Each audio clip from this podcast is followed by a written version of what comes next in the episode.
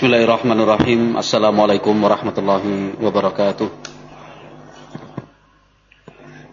Innal hamdalillah nahmaduhu wa nasta'inuhu wa nastaghfiruh wa na'udzu billahi min shururi anfusina wa min sayyiati a'malina man yahdihillah fala mudilla lahu wa man yudlil fala hadiyalah. Ashhadu an la ilaha illallah wahdahu la syarika lah وأشهد أن محمدا عبده ورسوله. لا نبي بعده. يقول الله عز وجل في القرآن الكريم يا أيها الذين آمنوا اتقوا الله حق تقاته ولا تموتن إلا وأنتم مسلمون. فإن أصدق الحديث كتاب الله وخير الهدى هدى نبينا محمد صلى الله عليه وسلم وشر الأمور محدثاتها فإن كل محدثة بدعة وكل بدعة ضلالة wa kulla dhalalatin finnar. Ma'asyiral muslimin, jamaah salat maghrib, rahimakumullah. Meskipun kita sama-sama menyadari bahwa tidak ada manusia yang sempurna, kita sama-sama mengerti tidak ada satupun dari kita yang bisa bersih dari dosa kita pun faham manusia itu selalu terjatuh dalam kesalahan. Namun hal itu tidak boleh dijadikan alasan untuk tetap terus melakukan kesalahan apalagi dia menyadari itu salah. Kita tidak boleh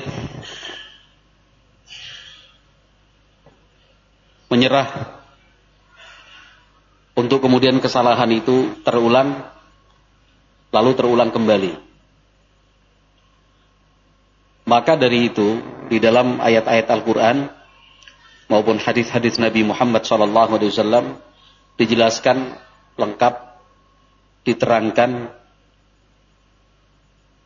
dengan gamblang apa akibat dan efek dari perbuatan dosa. Bukan sekedar penjelasan, tetapi juga contoh-contoh nyata. Mereka yang mengalami akibat buruk dari perbuatan dosa yang dilakukan. Bahkan sampai sekarang pun masih tersisa bekas-bekas peninggalan-peninggalan mereka yang berbuat dosa lalu dihukum oleh Allah Subhanahu wa taala agar kita yang membaca dan mendengar cerita tentang mereka mau mengambil pelajaran. Tidak melakukan perbuatan yang sama.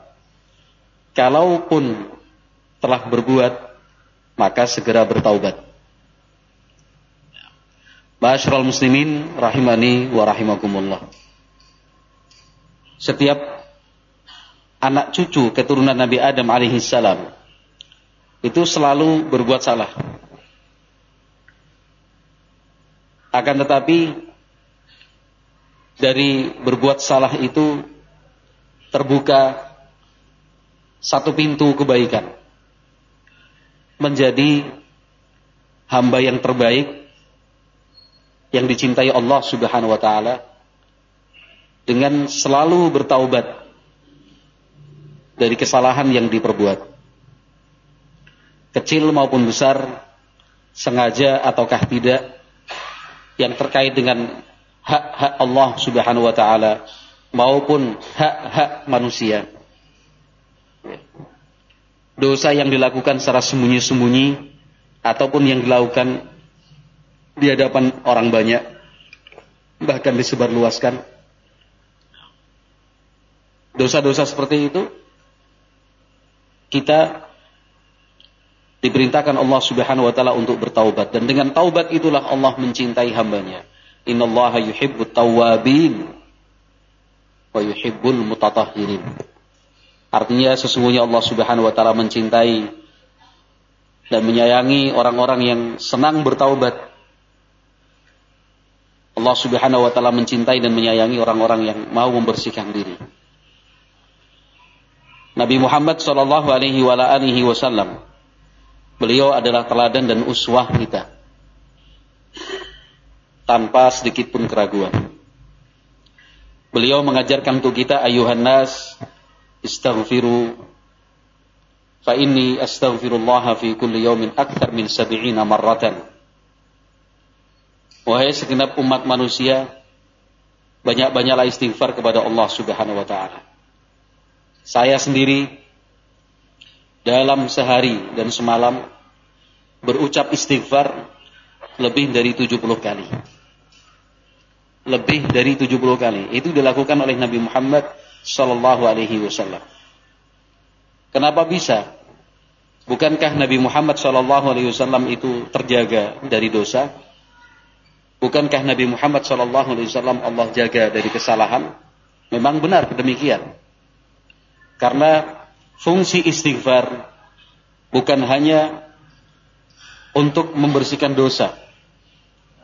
Tetapi fungsi istighfar di antara lain untuk meningkatkan dan meninggikan derajat di sisi Allah Subhanahu wa taala.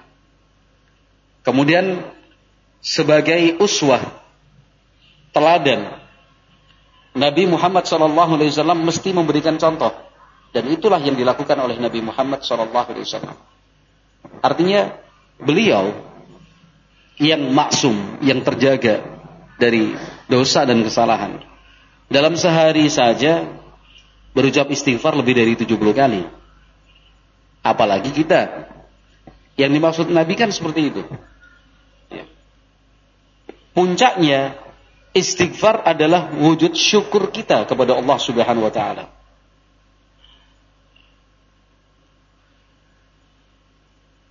Istighfar yang dilakukan itu sekali lagi merupakan bentuk syukur seorang hamba kepada Allah Subhanahu wa taala. Dan itulah yang dilakukan oleh Nabi Muhammad sallallahu alaihi wasallam. apa pun yang menimpa dan apa pun yang terjadi baik dan buruk tidak lepas dari sebab perbuatan manusia itu sendiri. Musibah,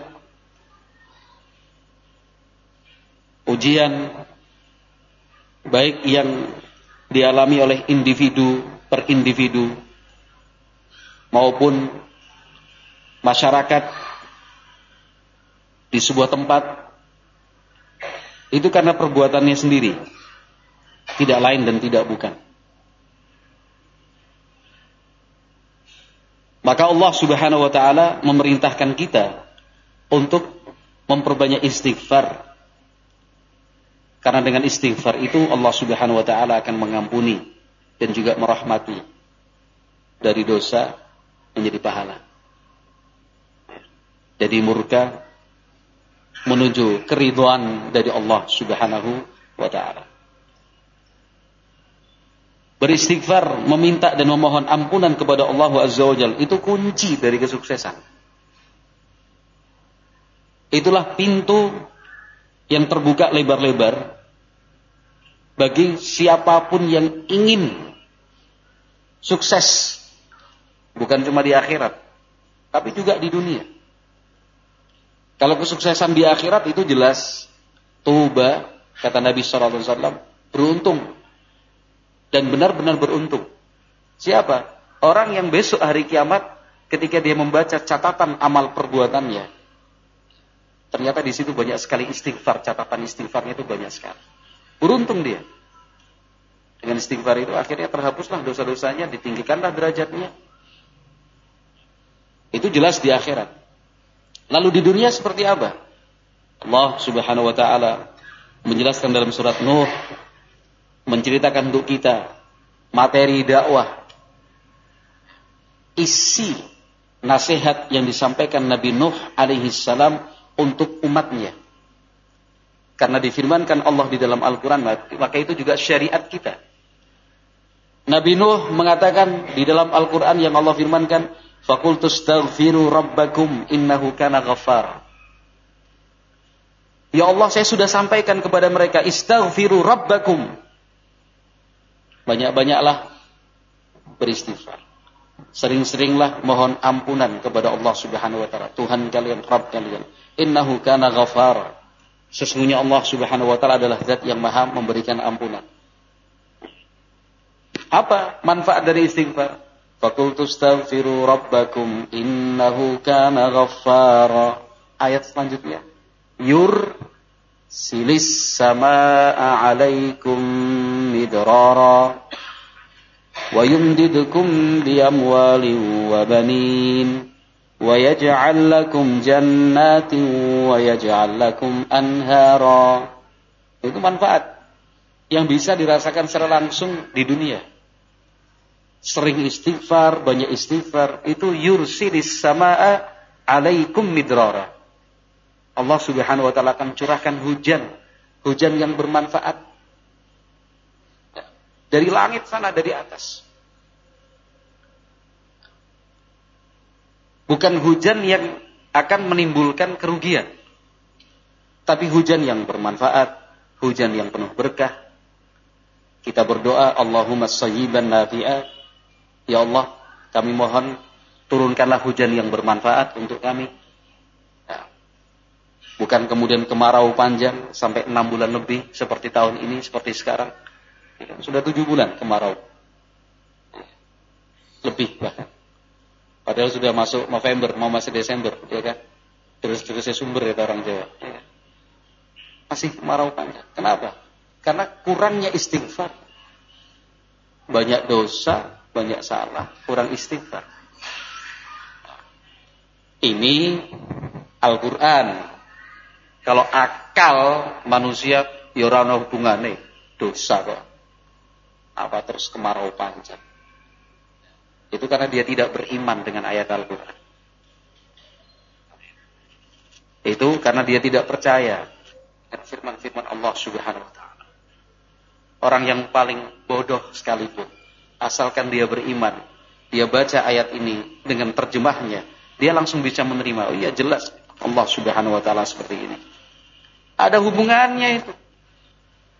Nah, bagi orang yang beriman, keterkaitan dan relevansinya sangat kuat antara hujan yang tidak turun-turun dengan dosa yang dilakukan. Antara kemarau panjang dengan istighfar yang kurang terucap atau jarang. Tak usah kita melihat orang lain, tak perlu kita meneliti masyarakat luas. Coba lihat diri sendiri. Nah, kita yang sehari-hari ngaji, kita yang setiap saat setiap waktu merindukan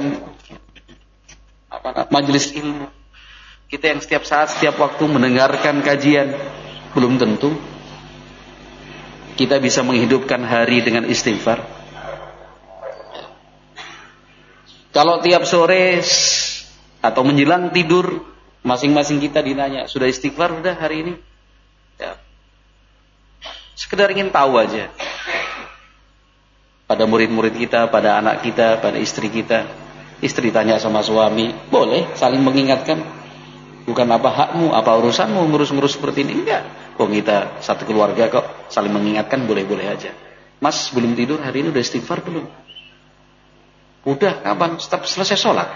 Ya, iya. Termasuk zikir setelah sholat ya istighfar itu. Ya. Eh berapa kali? Nabi Muhammad alaihi salatu lebih dari 70 kali dalam sehari. Riwayat yang lain 100 kali dalam sehari semalam. Nah, kalau yang sehari-hari ngaji, yang setiap saat setiap waktu itu tolabul ilmi, itu saja tidak mempraktekkan. Terus kira-kira kaum muslimin secara luas seperti apa? Iya. Kira-kira seperti apa? Kaum muslimin secara luas. Maka ya, kita bisa mengerti hujan yang tidak turun-turun, kemarau panjang, sudah banyak pohon yang mati. Ya, nggak kuat dia menahan itu. Yang tidak kuat bukan cuma pohonnya, manusianya nyirami nggak kuat. Di beberapa daerah air sudah beli satu tangki 200 sampai 250 ribu. Ya. Apa sebabnya? Satu banyak dosa, dua kita jarang istighfar. Sedikit sekali. Hanya berapa kali dalam sehari dan semalam. Padahal ayatnya jelas. Fakultu astaghfiru rabbakum innahu kana ghaffara yursilis sama'a alaikum midrara. Jelas ayatnya. Allah akan curahkan hujan untukmu. Iya. Bahkan hujan itu akan Allah turunkan bukan hanya pada musim hujan. Tapi di tengah-tengah musim kemarau pun Allah turunkan hujan. Aneh. Di tengah-tengah musim kemarau pun Allah mampu menurunkan hujan. Dan itu kan sudah terjadi puluhan ratusan tahun selama ini kalau yang memperhatikan di beberapa daerah, wah musim kemarau hujan bahkan di beberapa tempat pernah di tengah-tengah musim kemarau banjir bandang. Nggak pernah terbayangkan sebelumnya. Tapi yang kita inginkan adalah hujan yang bermanfaat. Wa yumdidukum bi amwalin wa banin wa yaj'al lakum jannatin wa yaj'al lakum anhara. Empat yang Allah sebutkan dalam ayat ini. Itu manfaat secara langsung dari istighfar, meminta ampun dari dosa yang sudah kita perbuat. Beristighfar dari kesalahan yang sudah dilakukan. Yang pertama, yumdidkum bi amwalin. Allah Subhanahu wa taala akan alirkan, Allah akan curahkan, Allah akan bentangkan untukmu di amwalin harta benda sing arep sugih. Sing arep sugih aja membuka warung neng pinggir dalan.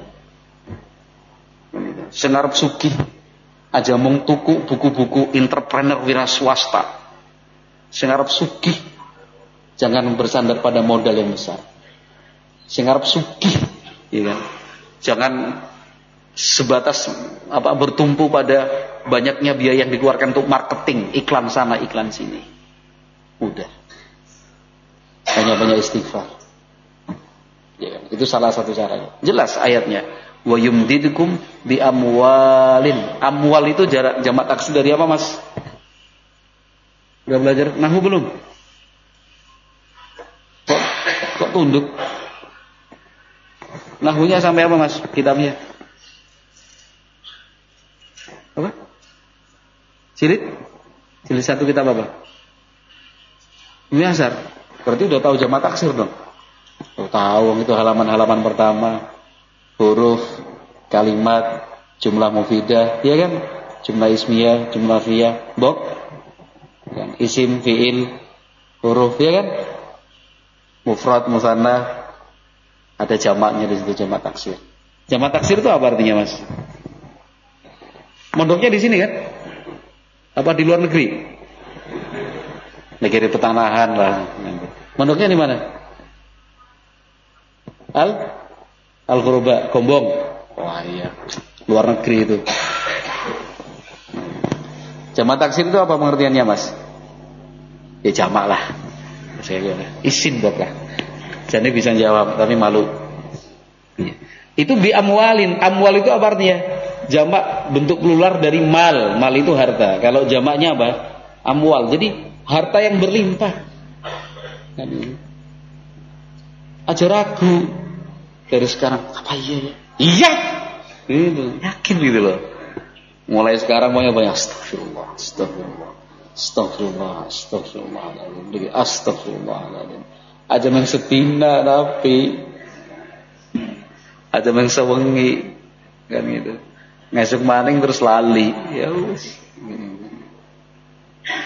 Misalkan es pisang hijau lah, bin laris misalnya ya.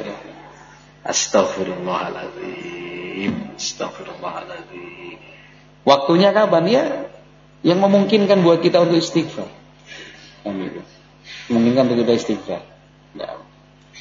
Pilih waktu yang tepat Jadi kata kuncinya itu waktu yang te yang tepat Termasuk yang tidak tepat itu ketika kita sedang berbicara dengan teman, sedang asik-asik, astagfirullahaladzim. Ada apa sih?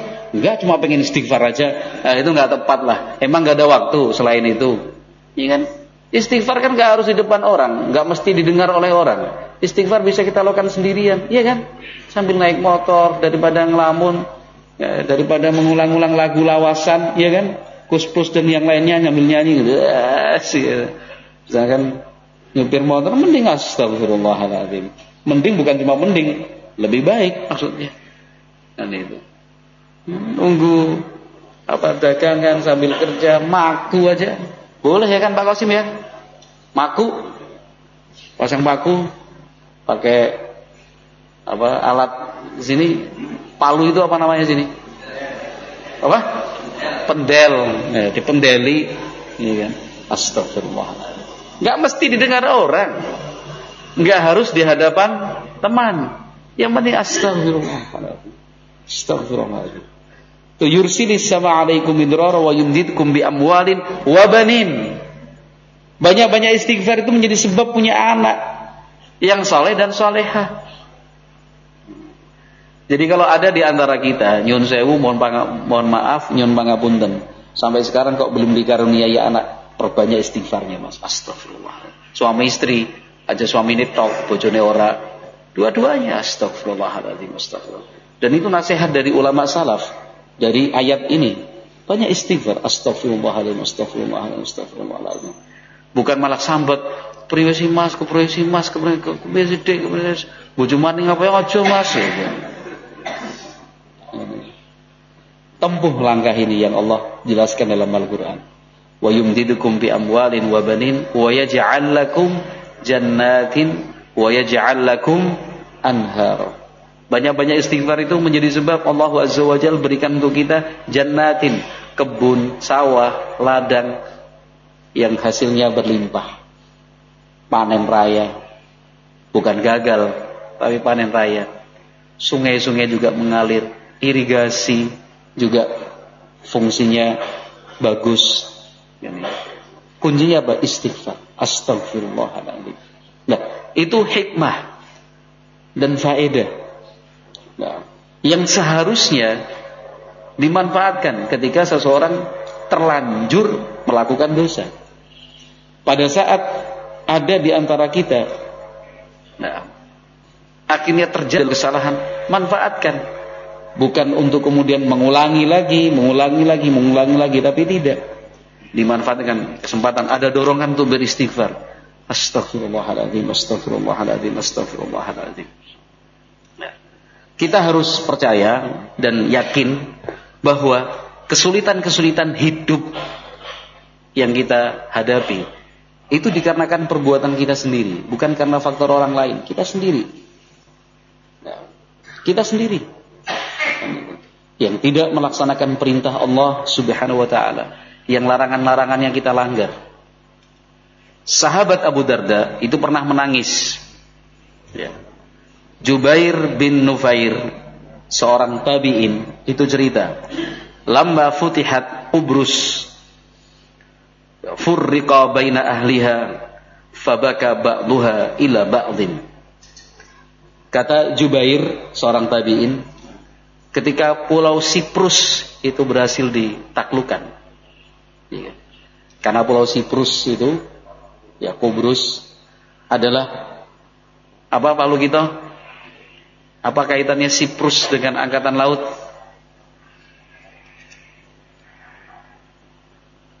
Apa? Di grup loh. Berapa hari yang lalu loh. Yang saya tanyakan. Iya. Apa kaitannya Siprus dengan angkatan laut? Angkatan laut pertama di dalam sejarah is Islam. Itu di masa kekhilafahannya siapa?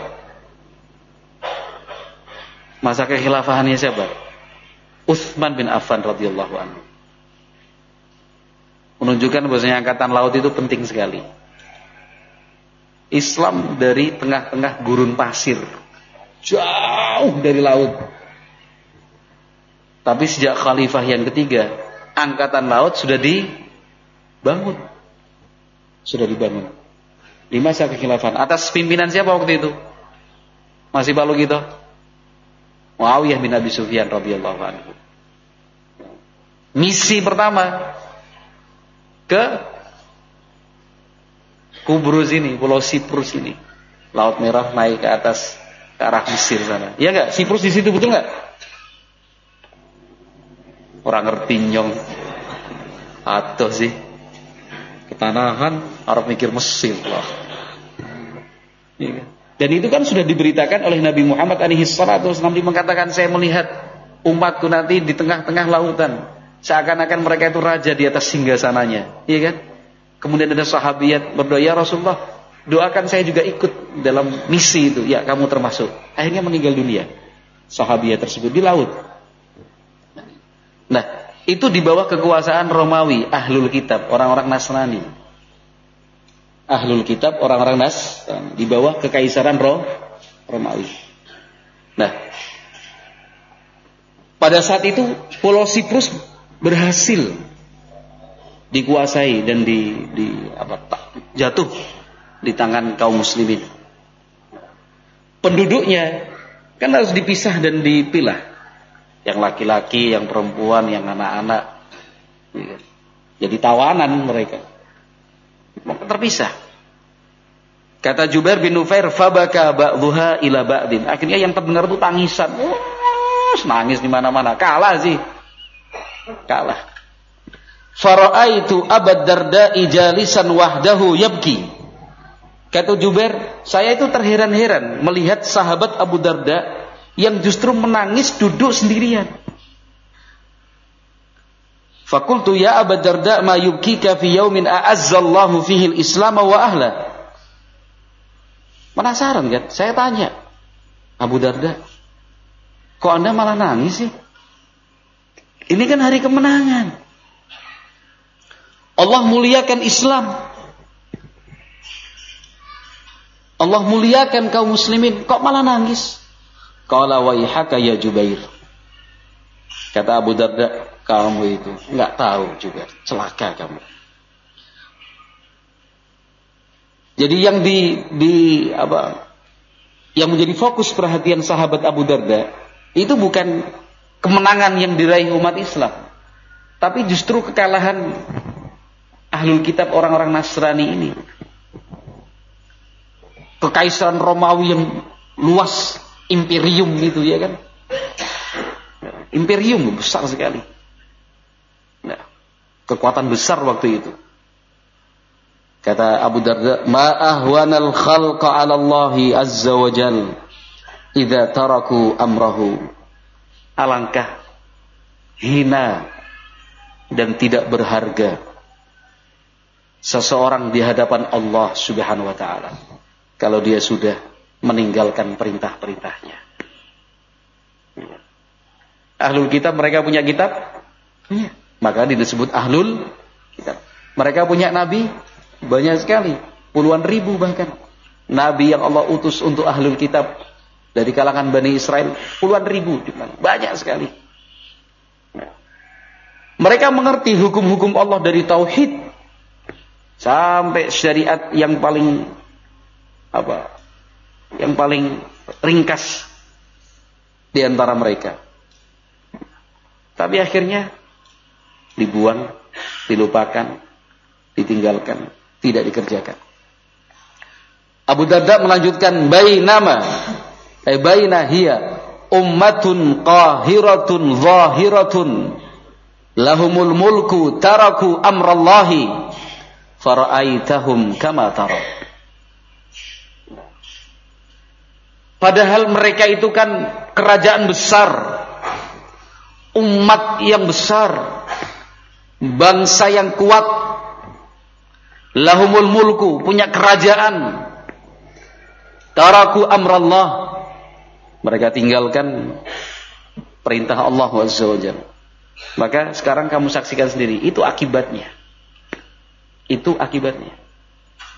Artinya apa yang dialami oleh mereka tidak menutup kemungkinan dan bisa terjadi pada kita umat Islam hina, rendah, ya. tidak dianggap mayoritas tapi terpinggirkan, mayoritas ya. tapi kurang diperhatikan, mayoritas tapi justru diintimidasi, mayoritas tapi justru selalu menjadi pihak yang disalahkan, salahkan, salahkan. Ini umat Islam, ini umat Islam, ini umat Islam. Direndahkan, dihina.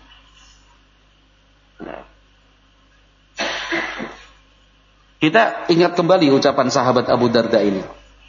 Itu semua terjadi kenapa? Karena umat Islam sudah meninggalkan syariat Islam. Akibatnya seperti itu. Nah, maka ma'asyiral muslimin rahimani wa rahimakumullah.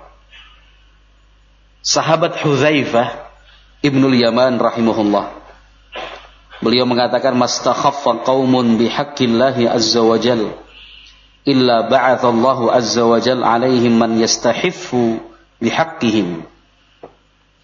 Kata sahabat Hudzaifah radhiyallahu anhu, tidaklah suatu kaum mereka meremehkan dan tidak mempedulikan hak-hak Allah Subhanahu wa taala kecuali pasti Allah akan kirim Allah akan bangkitkan untuk mereka orang-orang yang meremehkan hak-haknya yang tidak peduli dengan hak-hak mereka. Dan itu dirasakan di banyak tempat. Ya. sudah syariat Allah subhanahu wa ta'ala dilupakan sunnah-sunnah Nabi Muhammad sallallahu alaihi wasallam mestinya dibela malah dibenci. Ya. sudah. Akibatnya apa ada sejumlah pihak sedikit Cuma segelintir orang sebenarnya. Minoritas. Justru mereka yang mengatur. Justru mereka yang punya kebijakan. Justru mereka yang mendiskriminasikan umat Islam. Justru mereka yang selalu apa namanya memburukkan citra umat Islam. Justru mereka lah yang membangun opini bahwasanya umat Islam itu kalau sudah mulai semangat untuk bersyariat, mulai semangat untuk beribadah sebagaimana sunnah Rasul, teroris. Udah. Jadi orang takut untuk beragama. Orang gamang dan bimbang kalau mau mengamalkan sunnah Nabi alaihi salatu wasallam karena dicap keras, dicap ekstrim, dicap radikal. Iya kan? Mau pelihara jenggot, teroris. Celana cingkrang, teroris. Ya, itu sudah. Mau maju sedikit, tebas. Mau naik sedikit, hmm, dibenamkan. Itu kan akibat. Sebabnya apa? Jelas ucapan sahabat termasuk sahabat Hudzaifah ibn Yaman radhiyallahu anhu. Itu dikarenakan kita umat Islam yang sudah melupakan syariat agama sendiri. Terus solusinya apa? Ya kita mulai dari lingkup yang paling kecil. Ya.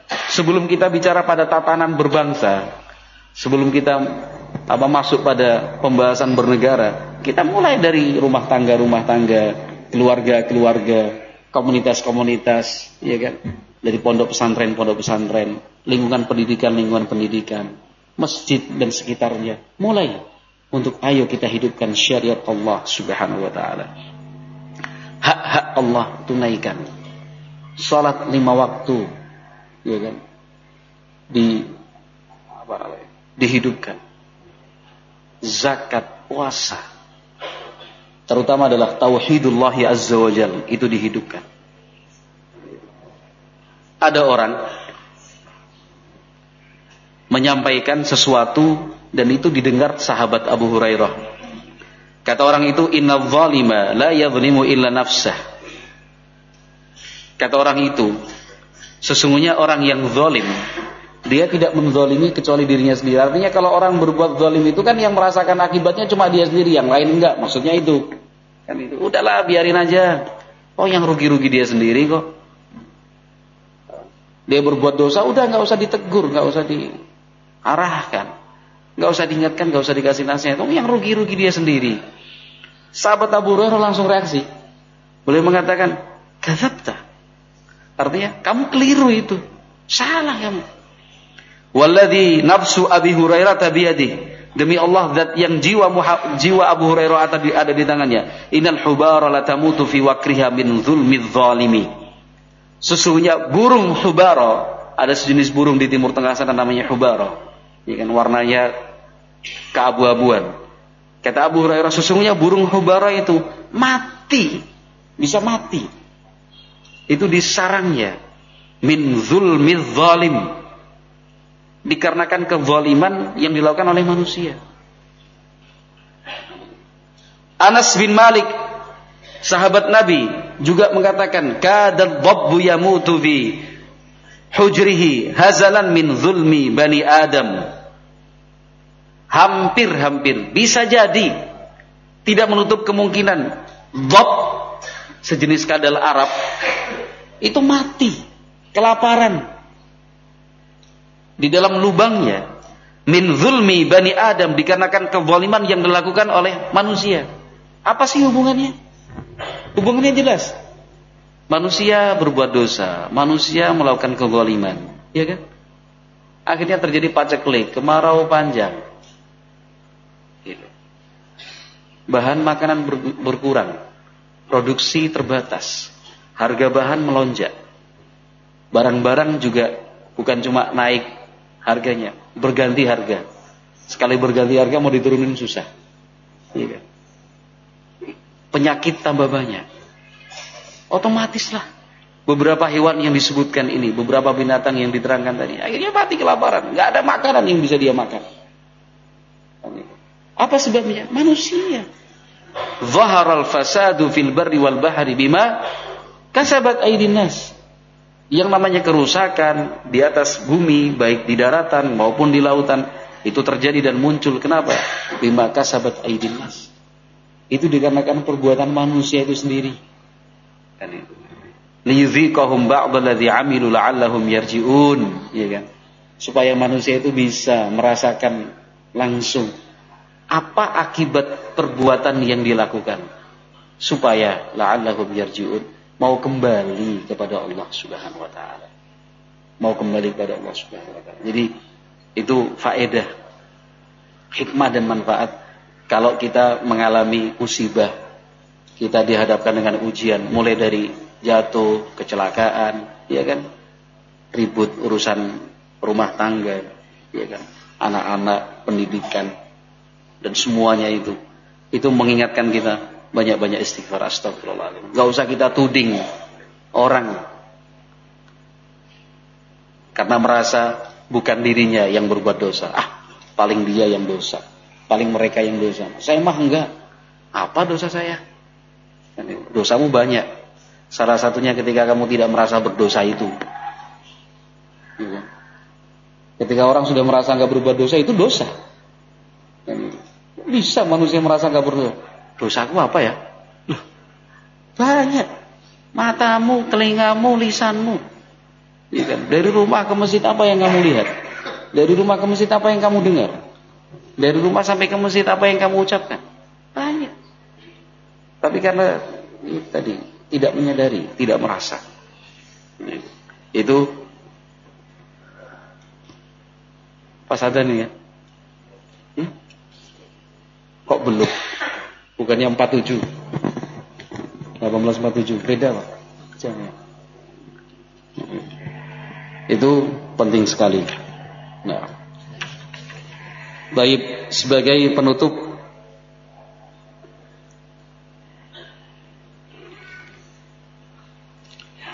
ada uh, sebuah nasihat dari sahabat Ibnu Abbas radhiyallahu anhuma. Kata sahabat Ibnu Abbas ya sahibadz dzanbi wahai pelaku dosa la ta'mananna su'a akibatihi jangan sekali-kali engkau merasa aman dan nyaman dari akibat buruk dosa yang diperbuat. Walamma yatba adzanba a'zam min adzanbi idza amiltahu bisa jadi dosa yang kamu perbuat yang lainnya lebih besar dan lebih parah di sisi Allah Subhanahu wa taala. Qillatu hayaika mimman al-yamin wa 'ala al-shimal wa anta 'ala dhanbi a'zamu min adh-dhanbi alladhi sana'tahu. Kurangnya rasa malu yang engkau miliki kepada malaikat yang ada di kanan dan kirimu ketika engkau berbuat dosa itu justru lebih parah dari dosa yang engkau perbuat. Wa dhahkuka wa anta la tadri mallahu sani'un bika a'zamu min dhanbi. Engkau bisa tertawa pada saat berbuat dosa. Dan engkau tidak tahu apa yang akan Allah perbuat terhadap dirimu, itu lebih besar daripada dosa yang engkau lakukan. Sudah berbuat dosa bisa-bisanya tertawa gitu. Wa farahuka bidzanbi idza amiltahu a'zamu minadz-dzanbi. Engkau senang, puas, bahagia karena dosa yang diperbuat itu lebih besar daripada dosa itu sendiri. Jadi rasa senang, rasa puas sudah berbuat dosa itu nilainya lebih besar daripada dosa itu sendiri. Wa huznuka wa huznuka ala dhanbi idza fataka a'zamu min adz-dhanbi idza dhafirta bihi. Kamu sedih karena gagal melakukan dosa. Nah, itu lebih besar daripada dosa itu sendiri kalau engkau berhasil melakukannya. Aduh, nggak jadi. Aduh, ketahuan. Nggak jadi akhirnya. Rasa sedih itu, nyesel. Aduh. Itu justru parahnya, dosa itu parahnya. Lebih besar daripada dosa itu kalau dilakukan. Wa khawfuka minar rih idha harakat sitra babika wa anta ala dhanbi. Wa la yattaribu fuaduka min nadharillahi ilaika a'zamu minadh dhanbi idha amiltahu. Engkau takut ketika ketika angin bertiup lalu menyingkap tabir pintumu. Terkejut kaget. Ketika engkau berbuat dosa, padahal hatimu tidak tergerak, tidak bergetar. Padahal Allah selalu melihatmu, itu lebih besar dosanya daripada yang engkau lakukan. Lebih besar dan lebih parah daripada dosa yang engkau perbuat. Itu nasihat dari sahabat Ibnu Abbas radhiyallahu taala anhuma mudah-mudahan bisa menjadi pengingat untuk kita semua bisa menjadi penyadar dan bisa menjadi bekal kita mudah-mudahan Allah Subhanahu wa taala melimpahkan ampunannya untuk kita semua dan menerima ya, rangkaian-rangkaian taubat yang kita lakukan sesungguhnya Allah Subhanahu wa taala mencintai hambanya yang mau bertaubat subhanakallahumma wa bihamdika asyhadu an la ilaha illa anta astaghfiruka wa atubu ilaik. Assalamualaikum warahmatullahi wabarakatuh